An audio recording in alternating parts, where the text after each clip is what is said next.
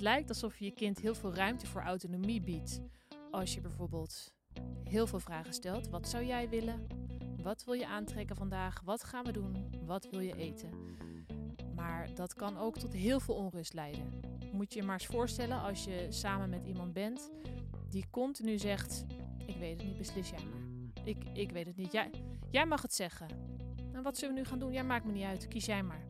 Op een gegeven moment denk je dan: Oh, zeg jij alsjeblieft even wat we gaan doen. Want anders moet ik de hele tijd besluiten. Kan je het je voorstellen? Dat is toch irritant?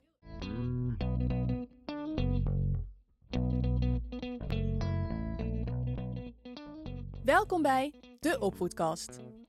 De podcast over alles wat je als ouder van jonge kinderen wil weten. Want tijdens de opvoeding van die kleine loop je tegen van alles aan. En dan is het fijn om af en toe een pedagogische hulplijn te hebben. En daarom zijn we deze podcast begonnen. Speciaal voor ouders die door de bomen van advies het bos niet meer zien.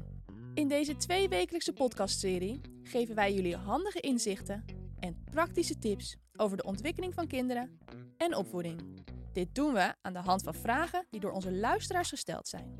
We behandelen deze vragen op basis van de pedagogische visie van Companelli, onze eigen kennis en ervaringen en wetenschappelijk onderzoek. Hey luisteraars, fijn dat jullie hier weer luisteren vandaag. Mijn naam is Amber en ik zit hier met onze pedagoog Laurie. Hallo, daar zijn we weer. Fijn dat je er weer bent, Laurie. Ja, Gezellig. Waar gaan we het vandaag over hebben? we gaan het vandaag hebben over autonomieontwikkeling. Hele mond vol. Nou, dat wou ik zeggen.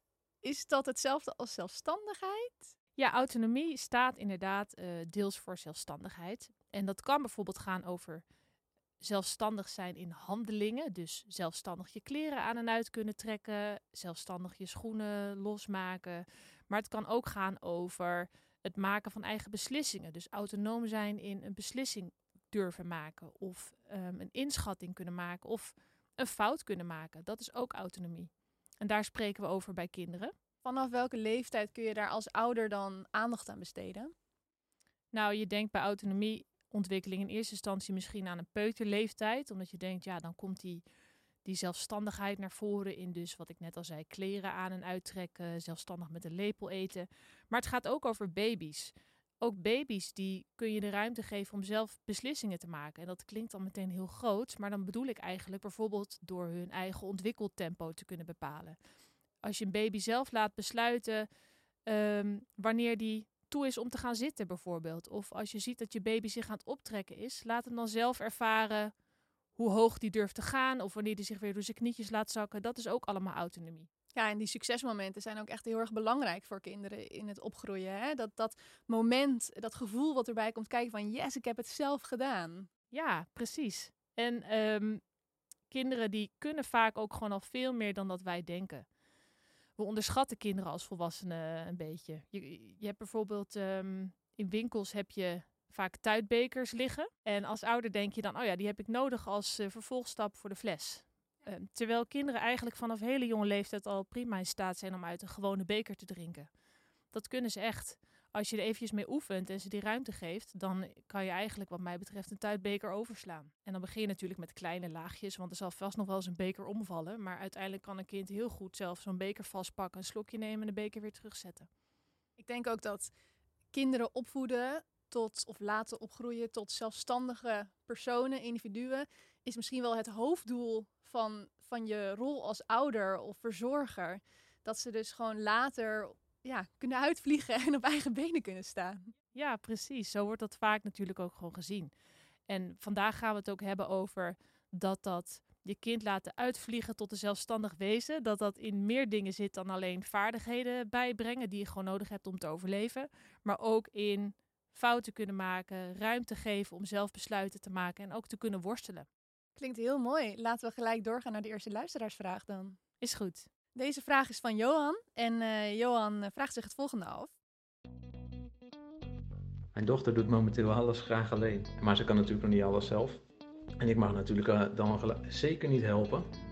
Ehm, hebben jullie nog tips hoe ik hiermee om kan gaan? Nou, er zijn heel veel dingen die je kunt doen als ouder om dat gevoel van autonomie, dat, dat stukje zelfstandigheid, te bevorderen. En Johan geeft aan dat zijn kind veel zelf wil doen. En dat lukt dan soms nog niet. Nou, dat is meteen dat stukje wat ik net zei over het bieden van ruimte voor worsteling. Dus neem niet die, direct die frustratie weg, omdat je denkt, oh, mijn kind is weer gefrustreerd. Ik schiet wel even te hulp, maar laat het er ook even zijn.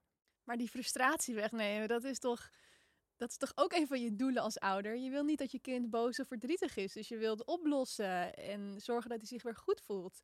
Hoe moet je daar dan een balans in vinden? Nou ja, boosheid en verdriet staan niet gelijk aan een ongelukkig kind. Boos en verdriet horen erbij. Ehm, dat zorgt ervoor dat het kind een leerproces doorgaat. Dus als je kind gefrustreerd is en je poetst dat meteen weg door het over te nemen of in te breken, geef je eigenlijk ook de boodschap: kom maar, het lukt je niet. Ik doe het wel voor je. Je kan het niet. Je kan het niet. En wat ik net ook zei, in het begin is dat misschien even fijn, ook voor het kind, van ah, het is opgelost, dan hoef ik die frustratie niet door. Maar frustratie moet je ook leren hoe je daarmee om moet gaan. Dus door het nog een keer te proberen. En als het weer niet lukt, nog een keer. En dat hoef je natuurlijk niet tot in de treuren te doen, maar... Ja, het is een leerproces natuurlijk. Voor zowel ouder als kind. Dus. Ja, precies. Wat kun je nog meer doen om, uh, om die autonomie, die zelfstandigheid aan te moedigen en te ondersteunen? Um, kinderen, peuters, die komen op een gegeven moment in zo'n fase dat ze heel veel vragen gaan stellen. En wat je kunt doen om bijvoorbeeld de vindingrijkheid van een kind te bevorderen, is niet direct antwoord geven op de vraag, maar te vragen: wat denk jij? Oké, dus een voorzetje geven zonder dat je uh, het antwoord verklapt. Ja, dus ruimte geven voor het kind om zelf na te denken. Wat denk je er zelf van? Uh, in plaats van meteen het antwoord voor te kouwen. En je kunt ook als je kind een vraag stelt, niet direct antwoorden met nee, wat je misschien in eerste instantie bij sommige voorstellen van je kind doet. Maar bij jezelf ook um, overwegen, kan het antwoord eigenlijk ook gewoon ja zijn.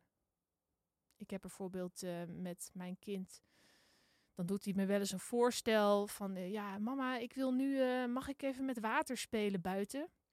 En dan denk ik, het is vijf graden met water spelen buiten. dan wordt het ijs. Oh nee, nog, nog niet. Ja, nog niet. maar het wordt wel koud en nat en zo en vies. En dan denk ik, dan is mijn eerste antwoord nee, nu even niet. Maar het is voor mezelf ook af en toe een trucje om mezelf dan aan te leren van ja, waarom eigenlijk niet? Kan het antwoord ook ja zijn? Nou ja, het kan best. Wil jij met water spelen? Prima, ik zet emmers in de tuin. Ga maar je gang. En dan krijg je het koud of je wordt nat. Nou, dan vertrouw ik mijn zoon er ook op dat hij dan wel naar binnen komt en zegt ik heb het koud. Nou ja, dan is er een douche of een bad vlakbij. Mooi voorbeeld. En ik, ik denk ook dat het voor heel veel ouders herkenbaar is dat je snel nee zegt, omdat het eigenlijk voor jou als ouder makkelijker is om dat niet te doen. Ja, tuurlijk. Tuurlijk. Het, het scheelt een hoop um, herrie of geklieder, uh, tijd. Ja, en het stukje grenzen aangeven is daar natuurlijk ook belangrijk. Want je kind kan ook verzoeken doen waarvan je denkt, ja, dat gaat echt niet. Maar eens in de zoveel tijd ook eens bij jezelf te raden gaan. Ik wil nee zeggen, maar kan het antwoord ook ja zijn? Dat helpt denk ik al een hele hoop. En iets anders wat je nog kan doen is je kind zijn eigen fantasieën gunnen. Dat is ook een stukje autonomie. Vertel daar eens even iets meer over. Uh, je hebt kinderen die, die raken op een bepaalde leeftijd heel erg in fantasiespel verwikkeld. En die kunnen dan oneindig fantaseren of grote dromen hebben. Bijvoorbeeld, oh, ik ga later als ik groot ben een heel groot huis bouwen waar we met de hele familie in kunnen wonen. Of ik ga iets, ik ga een, eh, iets voor opa en oma bouwen. En, en dan wil je als ouder zeggen, nee, maar dat gaat je toch helemaal niet lukken. Of dat kan helemaal niet. En, maar laat je kind lekker fantaseren. Ik heb een keer op de groep een kindje gehad die uh, uh, zijn opa was verloren.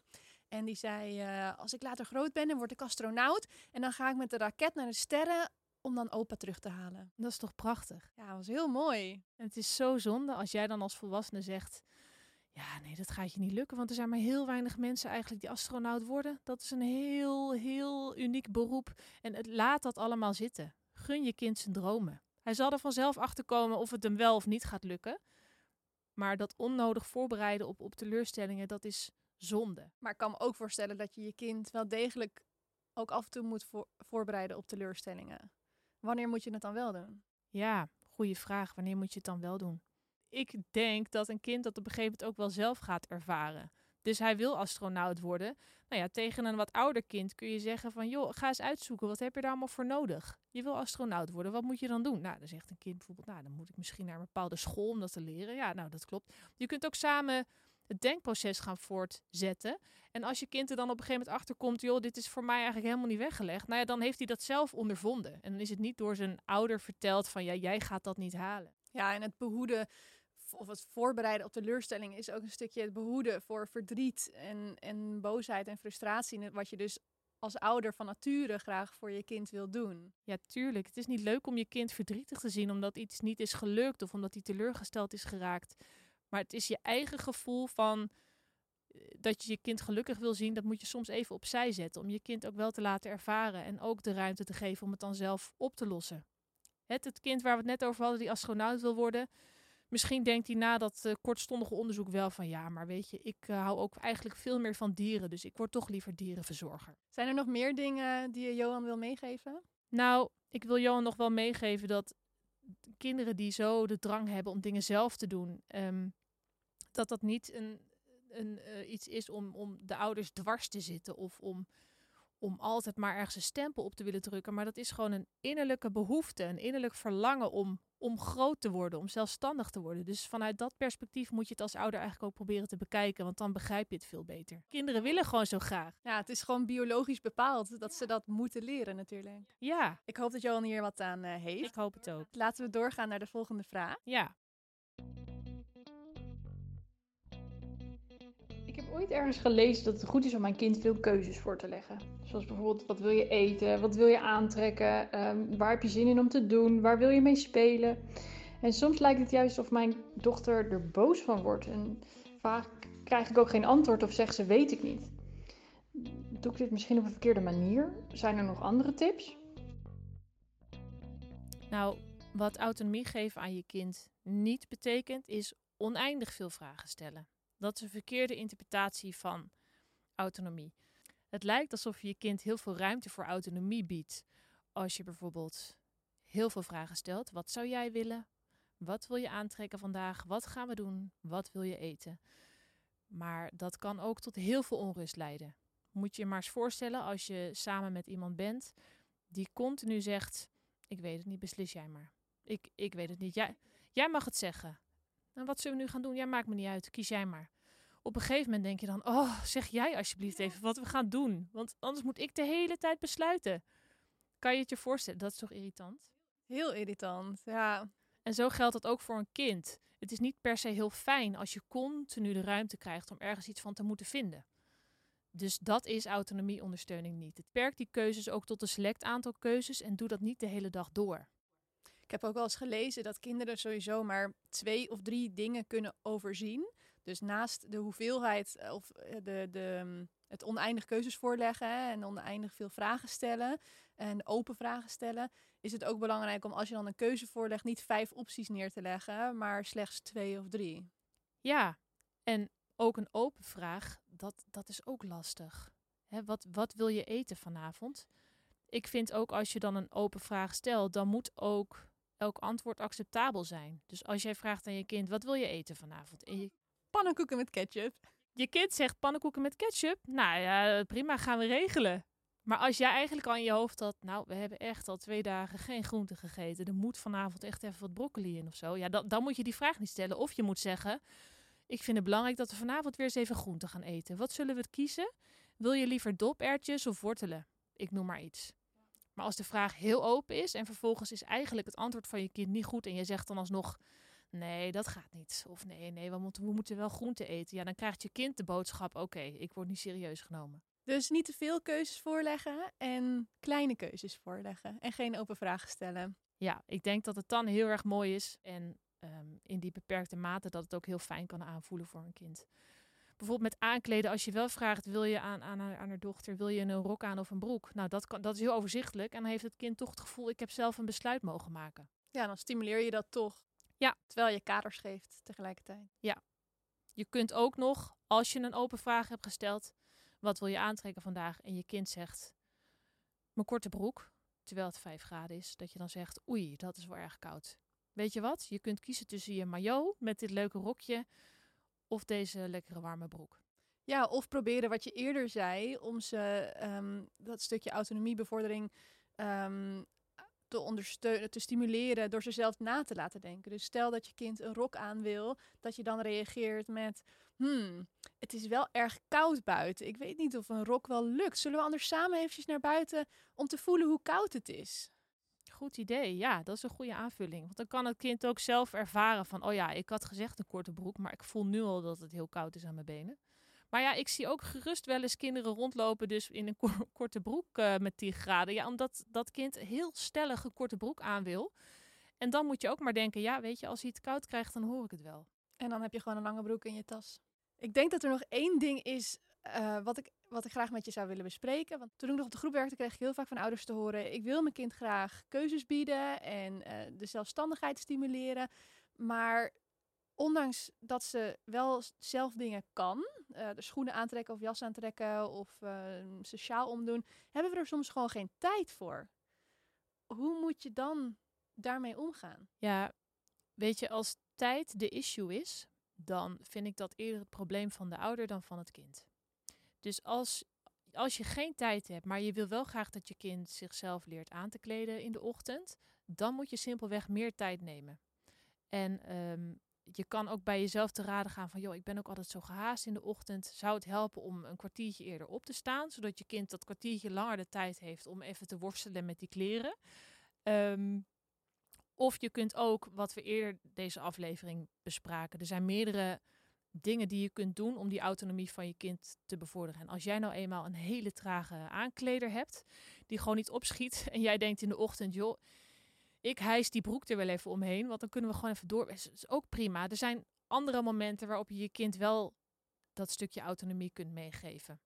Dus maak daarin dan bewuste keuzes. Maar als je er meerdere malen tegenaan loopt van ja, ik heb hier gewoon geen tijd voor, dan moet je echt, denk ik, bij jezelf te raden gaan van hoe kan ik dan meer tijd en rust creëren. Want dat is voor het kind ook fijn. Ja, zeker. En ik denk ook dat we hier ook weer terugkomen op dat stukje um, je eigen behoefte als ouder en, en de behoefte van je kind. En waar je dan dus voor kiest of hoe je er überhaupt naar kijkt. Net als met die tuitbeker, wat jij noemde. Tuitbekers zijn natuurlijk hartstikke makkelijk.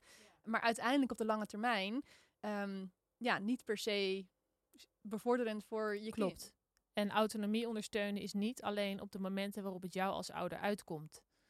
Zo werkt dat niet. En zo, dat weet je kind ook niet van tevoren wanneer het jou uitkomt dat hij zich wel zelf mag aankleden of wanneer niet. Nou, dat vind ik een mooie afsluiter. Dank jullie wel voor het luisteren weer. Volgende keer gaan we het hebben over zindelijkheid. En wil je nou niks missen, dan kun je je abonneren via Spotify of Apple Podcast. En als je zelf een vraag hebt over kindontwikkeling of opvoeding, dan beantwoorden we die heel graag. En kun je die vraag sturen naar podcast.companany.nl. Tot de volgende keer. Tot de volgende keer.